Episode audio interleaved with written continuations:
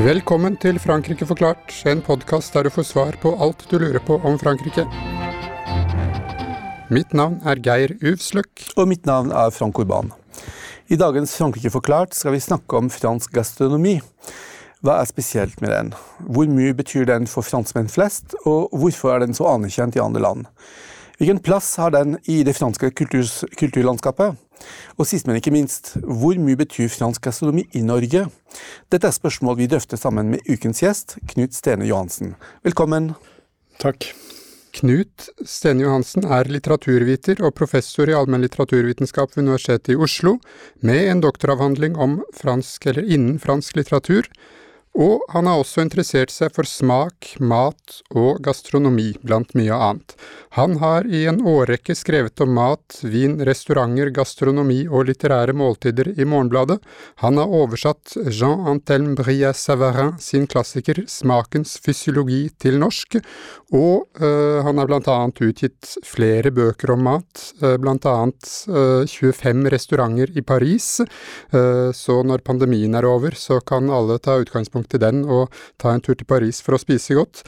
Og i 2020 utkom boken Smakens politikk på Scandinavian Academic Press, hvor Knut belyser gastronomi fra filosofiske, fysiologiske, psykologiske, politiske, estetiske og litterære vinklinger. Knut, hvordan ble du selv interessert i gastronomi? Du er jo en eh, litteraturviter, og du har oversatt bl.a. Roland Barth, Stéphane Mallarmé, Pierre Bourdieu. Skyldes din interesse for mat en eh, individuell utvikling, eller klarte disse forfatterne du har skrevet om, på en eller annen måte å pire din nysgjerrighet for mat gjennom litteraturen? Mange nordmenn har hørt om Madeleine-kakene til Marcel Proust i romanverket På sporet av den tapte tid, men hva med deg? Da vil jeg si at uh, Interessen for gastronomi kom, den kom gjennom maten, ikke litteraturen. Jeg holdt på å si at Interessen for litteraturen kom, kom også gjennom smaken på et eller annet vis. Uh, jeg har hørt fra min familie at jeg arrangerte mitt første middagsmåltid som fireåring. Men jeg vokste altså opp i en familie med stor lidenskap for mat. Mor, moren min serverte treretter til oss barna hver dag, og faren min var en ekte entusiast. Men jeg kan faktisk tidfeste ganske nøyaktig øyeblikket da jeg virkelig fikk smaken for det franske kjøkken. Da var jeg 15 år gammel og var på interrail i, uh, i Europa. Og på en enkel restaurant i Clermont-Ferrand så spiste jeg for første gang en så enkel salat med tomatskiver, vinaigrette, noen eh, løkringer. Og det var en storslagen opplevelse. Jeg fikk smaken for ordentlige tomater, hvitløk, vineddik og ikke minst vidunderlig olivenolje. I Norge på den tiden, altså begynnelsen av 70-tallet, så fantes det ikke hvitløk. Og det var bare ett slags, en, en slag, et slag olivenolje i butikken, nemlig av typen Mills på grønn plastflaske med påtegnelsen 'tilnærmet ubegrenset holdbarhet'. Det har jo forandret seg da. Eh, med det måltidet der så gikk startskuddet for meg på en kulinarisk reise som ennå ikke er avslutta. Fantastisk. Fantastisk. Uh, det, det, vi har, uh, jeg har også hatt noen sånn uh, plutselige åpenbaringer da jeg kom til Frankrike, selv om det var i senere tid. Men også dette med at plutselig så smaker tomater noe, istedenfor å ikke smake så mye i det hele tatt. Og jeg hadde fransk mor og vokste i Sør-Frankrike med, med, duften av tomater og aprikos og alt det der, så det, det er nesten umulig å unngå. Ja, fantastisk. Ja. Fantastisk. Hvis vi går uh, enda lenger tilbake i tid enn 1970-tallet, uh, eh, franskmenns matlaging uh, kan man si at den har siden 1600-tallet dominert den vestlige verdens kokekunst. Uh, kan du si oss noe om, Knut, hvordan de skaffet seg en så dominerende stilling? var det en forbindelse mellom kokekunstens hegemoni og Frankrikes politiske innflytelse i Europa under Solkongen? Um La meg begynne med å si at på sitt beste så er det franske kjøkkenet både selvbevisst og nysgjerrig. Både tradisjonelt og eksperimenterende med et bredt register som evner å inkludere nye impulser. Fra renessansekjøkkenet til vår tids vitenskapelig informerte gastronomi så går det en logisk linje med mange fornyelser og såkalte nye kjøkken underveis. Historisk er det klart at ved siden av at alle skulle kopiere Versailles, så ble det også inn å kopiere fransk kokekunst. Utbredelsen av restauranter, kreative kokker, nyskapende kokebøker og seriøs matkritikk tilhører de viktigste faktorene i utviklingen av gastronomien. Bria Savarin lanserte i 1825 gastronomi som den nye vitenskapen, og fremhever her den franske restauranthistoriens triumf. Han henviser til 1770-årene som et viktig tidsskille, og i de påfølgende tiår får han for det han kaller for systemet med restauranter, en eventyrlig utbredelse.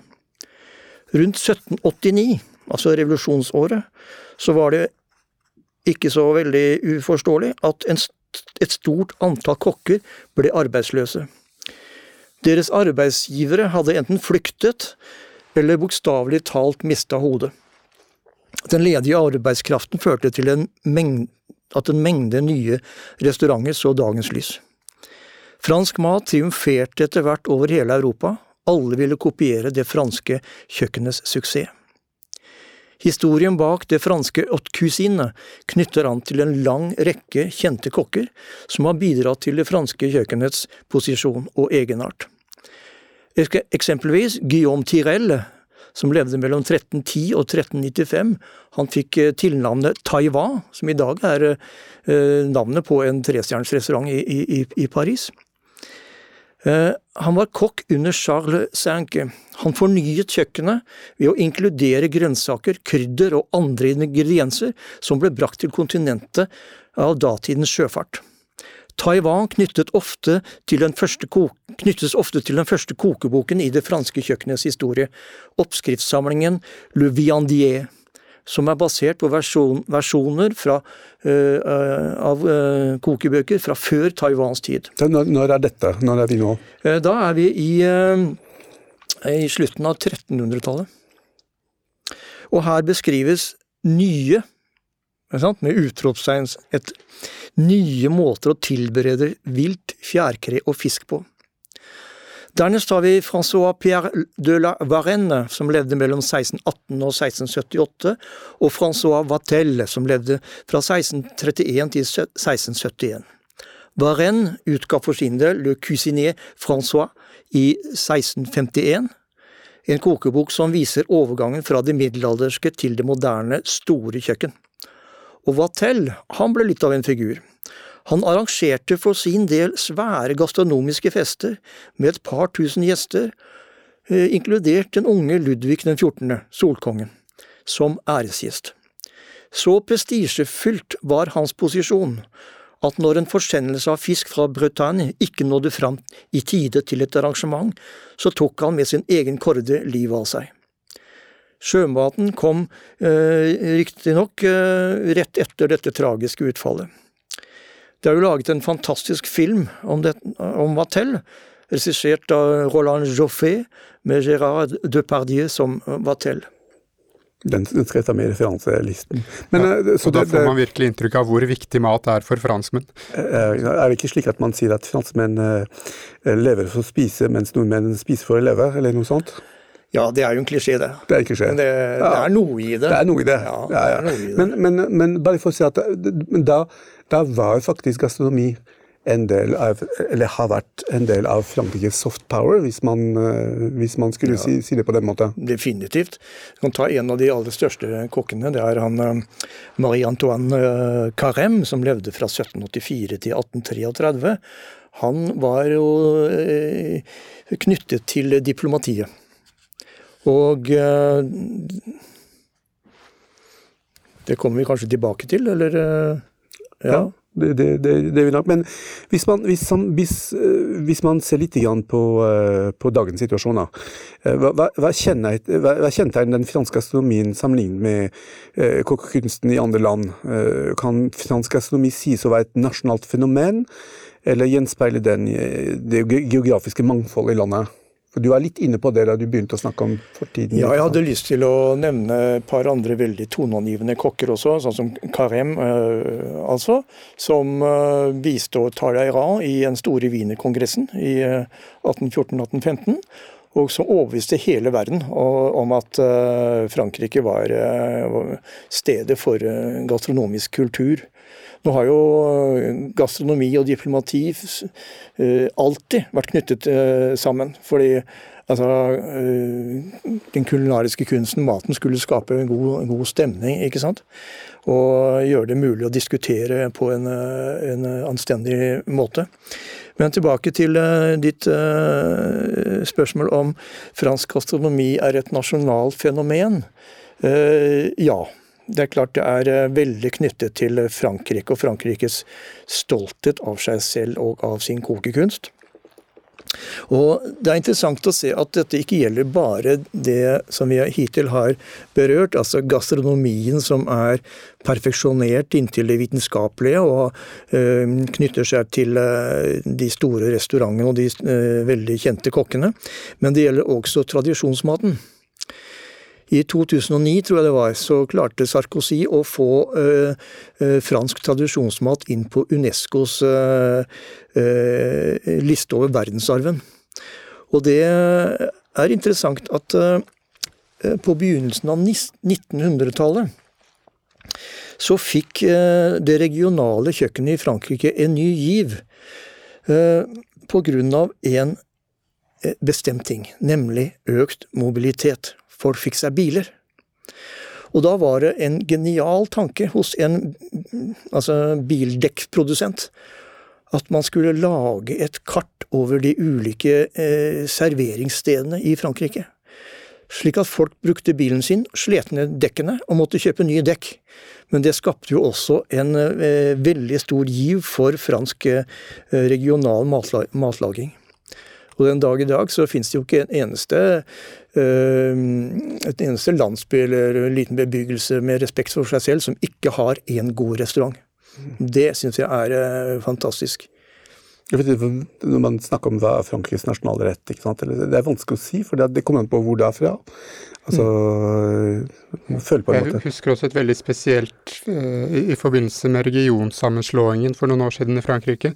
Så, så var det også en del diskusjon uh, hvor, hvor, folk Eh, så jeg på fransk TV, husker jeg, at man diskuterte at ja, men vi kan jo ikke være i samme region, for vi, jo, vi spiser jo ikke det samme. Mm. Altså de, de, de, mm. spiser andre ting enn det vi gjør. Eh, så, så, så det er veldig interessant, altså det, det lokale tilhørigheten der. Mm. Men du nevnte Michelin, uh, Knut, og uh, det finnes jo stadig flere norske restauranter som klarer å kapre stjerner og andre utmerkelser i Michelin-guiden. Uh, hva slags fotfeste vil du si at fransk gastronomi har fått i et Norge som i løpet av de siste tiårene også har fått mye anerkjennelse for sitt kjøkken. Altså, kanskje litt flere typer eh, olivenolje òg? Ja, ja, blant annet. Ja. Det er ingen tvil om at uh, fransk gastronomi uh, veldig lenge har betydd noe for norsk, uh, ja, for norsk gastronomi. da. Og et vendepunkt er 1970, 70-tallet, med kokker som Roar Dege, etter hvert også Eivind Hellstrøm, Uh, Lars Erik Undertun, og vi kunne nevne alle disse kokkene som har vært med på kokkelandslaget og vunnet medaljer i Bocuse d'Or. Så Norge har, som det lille landet det er, riktignok så har vi midler til å sponse kokkelandslaget og slikt, men det er allikevel, syns jeg, utrolig imponerende hva, hva disse norske kokkene har gjort ut av sin franske La oss si sin franske inspirasjon. Har de ikke fornorsket på en måte disse opprinnelige franske oppskriftene? Har de ikke gitt, en norsk vri som også har fått anerkjennelse til og med i, i, i Frankrike? Ja da, det er, eh, det er, måter å tillage maten på, og uh, utvelgelse av uh, råvarer som har betydd mye også andre veien. Det såkalte nordiske kjøkken, som har en, altså begynte vel for en ti-tolv år siden.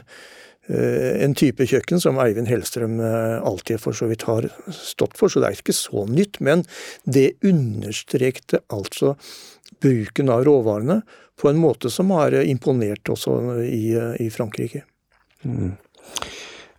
Nå, nå, I stad så snakket jeg om dette kjente utsagnet om at nordmenn eller nordeuropeere spiste for å leve, men søreuropeerne le, lever for å spise. Men det er bare, for å illustrere på en måte franskmennenes lidenskapelige forhold til mat. Eh, er det en myte, eller stemmer dette? ikke sant? Og hva med den yngre generasjonen? Er den fremdeles svært opptatt av mat og matlaging, eller eh, er den ikke så opptatt av eh, mat lenger? Hva, hva, kan du si om, hva kan du si om det følelsesmessige? Må, jeg må nesten jeg tenker at nesten, Dette er genetisk, altså. De ligger i franskmennene, og derfor så kan de ikke, selv om man er ung og, og syns det er ålreit å gå på McDonald's og sånn, så, så ligger det i genene altså, at du kommer tilbake til den uh, ordentlige matlagingen. Jeg er helt sikker på alle franskmenn jeg kjenner, store og små, de er interessert i mat, altså. Og de kan en del om mat også mye mer om mat enn hva de faktisk kan om vin, som de tror de kan mye om. Men uh, akkurat forholdet til mat, det er uh, det, det, knytter seg til uh, en lidenskap, ja. Helt, helt riktig. Og det, det, er en lidenskap som jeg tror også er mer nyansert enn i andre land hvor også mat, matkulturen står sterkt. Jeg tenker på f.eks. Italia, som også er en kulinarisk Altså et sted som jeg elsker. Altså Bortsett fra at det har blitt litt forflatet da med pizza og pasta og slik. At det, det, er ikke det samme, la oss si. Det er ikke den samme syntaksen som i fransk matlaging.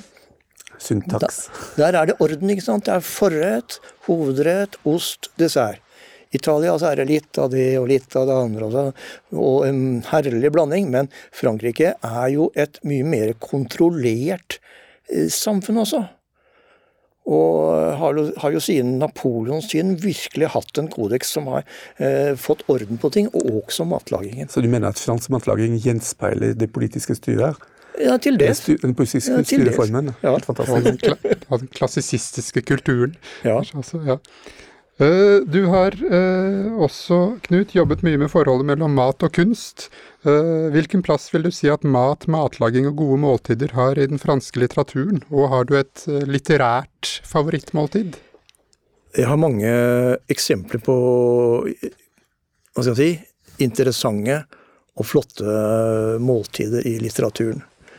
Men jeg vil ikke si at maten og gastronomien har gjort ekstremt stort hva skal jeg si, inntrykk i litteraturen. Det, det, eh, det tror jeg ikke. Jeg tror, de, jeg tror det, er, det går et skille mellom litteratur og gastronomi, som vi ikke skal glemme at det er to forskjellige kunstarter. Men at gastronomi er kunst, er liten tvil om, selv om de største kokkene snakker om at de, de bedriver bare et håndverk. Så er det allikevel da i fransk litteratur noen måltider som jeg vil trekke fram. Ett er bryllupsmåltidet i Madame Bovary. Eh, det er storslagent.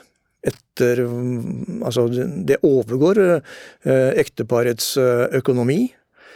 Og med forfatteren Gustav Flauberts uforlignelige ironi, så serveres altså dette måltidet i vognskjulet. Og så har vi det dekadente måltidet i Joyce Carl Wismans Mot strømmen, som er kjempeinteressant.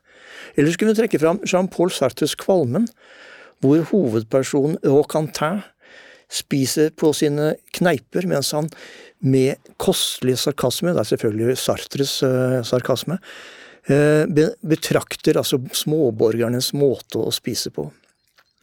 Jeg kunne nevne Marguerite Duras, eh, La Cuisine de Marguerite, som er lesverdig, men først og fremst så er det eh, nok Marcel Proust, på sporet av den tapte tid. Og der er den berømte scenen med, med madeleinekaken. Den er bare Det er slett ikke det eneste kulinariske innslaget i boken. Kokka Francoise serverer i Combray, som er første bindet i romanen, fantastisk fransk tradisjonsmat. Og eh, blant an mange andre eh, scener så får fortelleren på besøk hos noen adelige folk. Langt ute i romanen så får han servert hortulaner i Chateau de d'Yquem. Altså en slags spurv i sauterne. Det mest kjente franske måltidet i litteraturen, det er imidlertid dansk. Som dere sikkert eh, kjenner til, Karen Blixens Babettes gjestebud. Men det, det, er så grunnleggende fransk at det er, det er, eh, virkelig verdt å lese også med bakgrunn på hva, øh, hva kulturen gjør med gastronomien. Og Her ser vi også forholdet, som du nevnte, Frank, på forskjellen mellom det pietistiske nord og det lidenskapelige sør. Um, hvis vi går ut av fransk litteratur, det tillater jeg meg å gjøre fordi jeg syns det er så øh, virkningsfullt. Den 14. sangen i Odysseen, der kommer øh, Odysseus tilbake fra sin lange reise. Han kommer til Itaka og blir tatt imot av en øh, svinerøkter. Og får servert eh, svinekjøtt stekt over ild med honningsøt vin, som det står. Og det er så enkelt, og det er så la oss si, saftig, og det uh, er noe vi kun, kan finne igjen i Hellas en dag i dag, den type mat.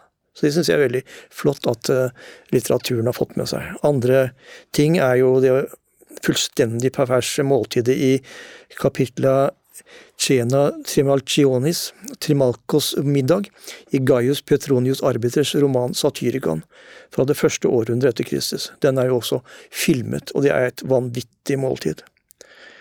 Vi har japanske Johanshiro Tanisakis novelle Gastronomiklubben eh, fra 1919, og eh, går det til en norsk forfatter som Tore Stubberud, så vil du finne masse eh, innslag av genuin fransk Eh, matlaging og smak.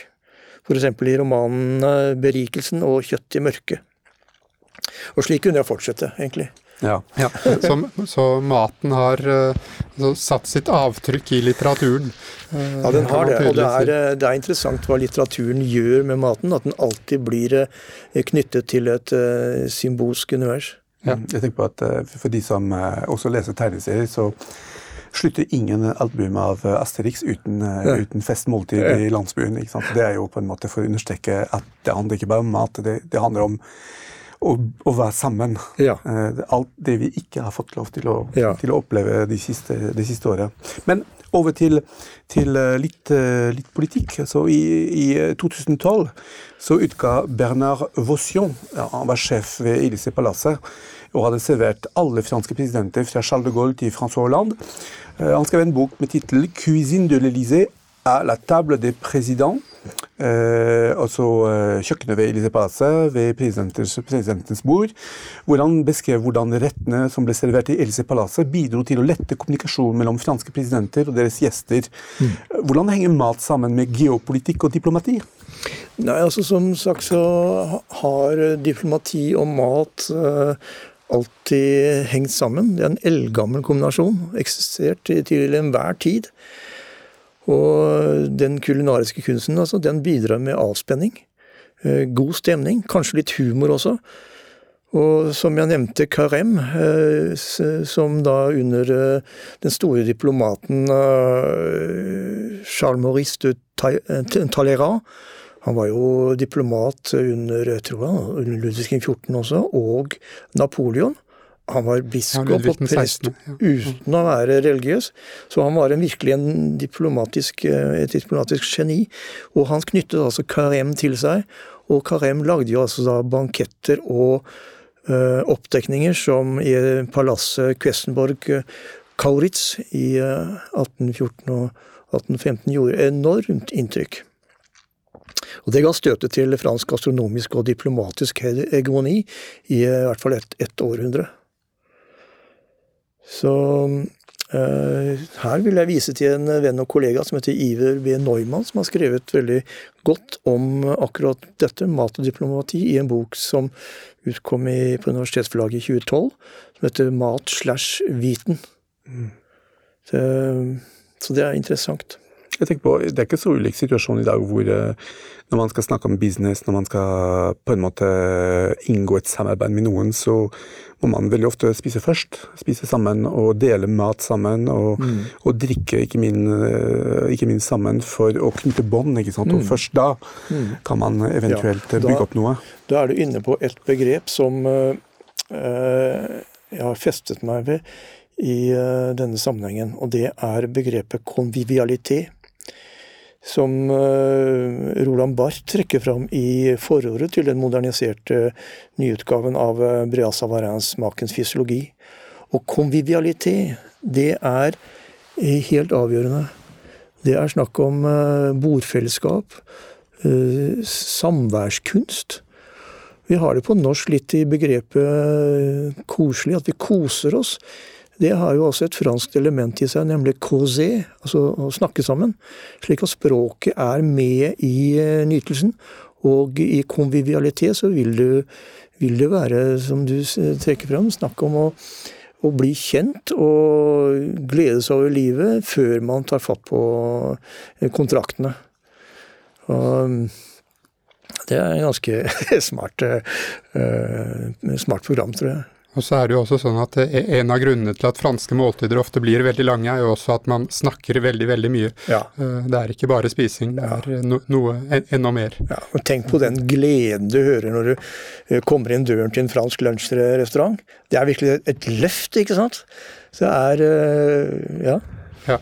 Tenk på den overgangen fra den to timers uh, lunsjpause som han hadde ført til å bare ta 20 minutter for å spise en brødskive, den ligger ikke helt genetisk hos franskmenn. Altså, Nei, det, er, du trenger den. Disse to timene er Det gir rom til veldig mye ja. sosialt, ja. egentlig. Men jeg, jeg, har lagt merke til, siden jeg som student i Frankrike var på studentkantinen og spiste på franske lunsjrestauranter, at det er mindre vin ute og går. For det er helt klart at produktiviteten går jo, er jo vist at den går ned etter to timers lunsjer med mye god vin. Så der har man strammet inn, og det tror jeg ikke er så dumt. Men konvivialiteten går ned, derimot. Ja, det er helt riktig. Da får man ta igjen det om kvelden. Uh, tusen takk, Knut. Uh, på slutten av hver episode så ber vi vår gjest om å komme med en fransk anbefaling. Hva er din anbefaling til lytterne våre? Nei, det må jo da i, la oss si, i forlengelsen av det vi har snakket om, være å gå på en skikkelig fransk restaurant. Og jeg har noen, eh, noen anbefalinger. Nå har jeg riktignok skrevet og anbefalt restauranter tidligere, og har selv kommet hit, så får jeg vite av hovmesteren at det er min skyld at det er fullt. Så jeg skal være litt forsiktig. du må holde det beste for deg selv. En fransk adresse i Oslo, det kan du kanskje gi oss? En fransk adresse i Oslo? Ja. ja jeg ville kanskje vært svak for uh, farnsmekker. Eh, det er en à la carte-restaurant. De har ikke bare sånn to-tre retter som alle må spise, men de, de, holder på den gamle, gode franske tradisjonen. Og gode kokker og veldig hyggelig personale og godt gammeldags lokale. Eh, det jeg hadde tenkt å nevne, det var altså ta dere råd til neste gang dere er i Paris, eh, bestill på forhånd, ta en lunsj på den trestjerners restauranten til Pierre Garnier i Ribasac, Det er så godt tilbud. I hvert fall var det det før koronaen. Da. Jeg håper de fortsetter med den tradisjonen. Du får altså eh, trestjerners mat til eh, veldig lav pris. Men eh, min, eh, mitt aller største måltid tror jeg jeg har hatt i Frankrike, i åsene ovenfor eh, Burgund. Eh, hos eh, Fred, Fred Menager i restauranten La Ruchotte. Eh, Fred er sånn hippie, økologisk fan. Han jobbet på hos, hos Alain Chapelle, altså en annen trestjerne. Men sjekka ut, kjøpte seg en gård oppi der og driver bare økologisk. Og det å spise en fransk landkylling hos han. Altså Det er en rasekylling. Det er ikke, noe, det er ikke hybrid engang. Det er ingen priorkylling sånn uten smak, men det er altså så smaksrikt. Og han bruker bare ting fra sin egen gård. Og så har han selvfølgelig veldig god kontakt med uh, gode vinprodusenter nede, nede i dalen. Så la Ruslott, det, det anbefaler jeg. Da gleder vi oss til vi kan reise til Frankrike igjen. Frank, har du også en anbefaling? Ja, det har jeg, Geir. Eh, vi nevnte boken skrevet av sjefskokken ved Elise Palace, Bernard Vaution. Uh, I boken fra 2012, 'Kjøkkenet i Elise Palace ved presidentens bord', uh, presenterer han 50 oppskrifter som symboliserer best den franske gastronomi, både som en nasjonal kunstform og som reklame for lokale produkter fra, for, fra, fra hele landet det som er spesielt også, den koblingen mellom det nasjonale og det regionale, for ikke snakke om det lokale, er noe som eh, jeg vil si at franskmenn er veldig opptatt av. Så skal jeg hilse fra Kjerstin, som anbefaler en fantastisk fransk standup-komiker som heter Gad Elmaleh. På Netflix finnes det et show uh, han gjorde i Montreal for noen år siden. Det heter Gad Elmaleh par en live, og er veldig morsom. Og alle de um, alle referansene fins uh, på Facebook-siden vår. Geir, et, et, ord om kronikken vår også, fordi vi skriver kronikk i, i, forbindelse med hver episode. Ja, vi skriver en kronikk som er litt Altså det er det samme temaet, øh, men vi tar et litt sånn sidespor og prøver å skrive om noe som ikke er akkurat det vi har snakket om i podkasten. Så det er tilleggsprodukt i, i, i tillegg til, til podkasten? Ja, så den kan man også gjerne lese. Nå gjør vi litt reklame for oss selv. Uh, og, og, jeg vil også absolutt støtte både Knuts sine anbefalinger og uh, Kjerstin. Uh, Gerd Elmaleh var i Norge faktisk for et par år siden, så han er absolutt en veldig morsom fyr å se. Ja, jeg var og så på ham. så da gjenstår det bare å takke vår gjest Knut Stene Johansen, så høres vi igjen i neste episode av Frankrike forklart. Au revoir! Frankrike forklart er et samarbeid mellom Universitetet i Oslo og Høgskolen i Østfold. Podkasten er støttet av Det norske universitetssenteret i Paris og Institut Francais i Oslo og har full redaksjonell frihet. Abonner på Frankrike forklart på iTunes, Spotify eller på andre plattformer der du lytter til podkast. Har du kommentarer til oss eller forslag til temaer vi bør ta opp, kan du sende inn det via vår Facebook-side Frankrike forklart. Her vil du også finne referansene som nevnes i dagens episode.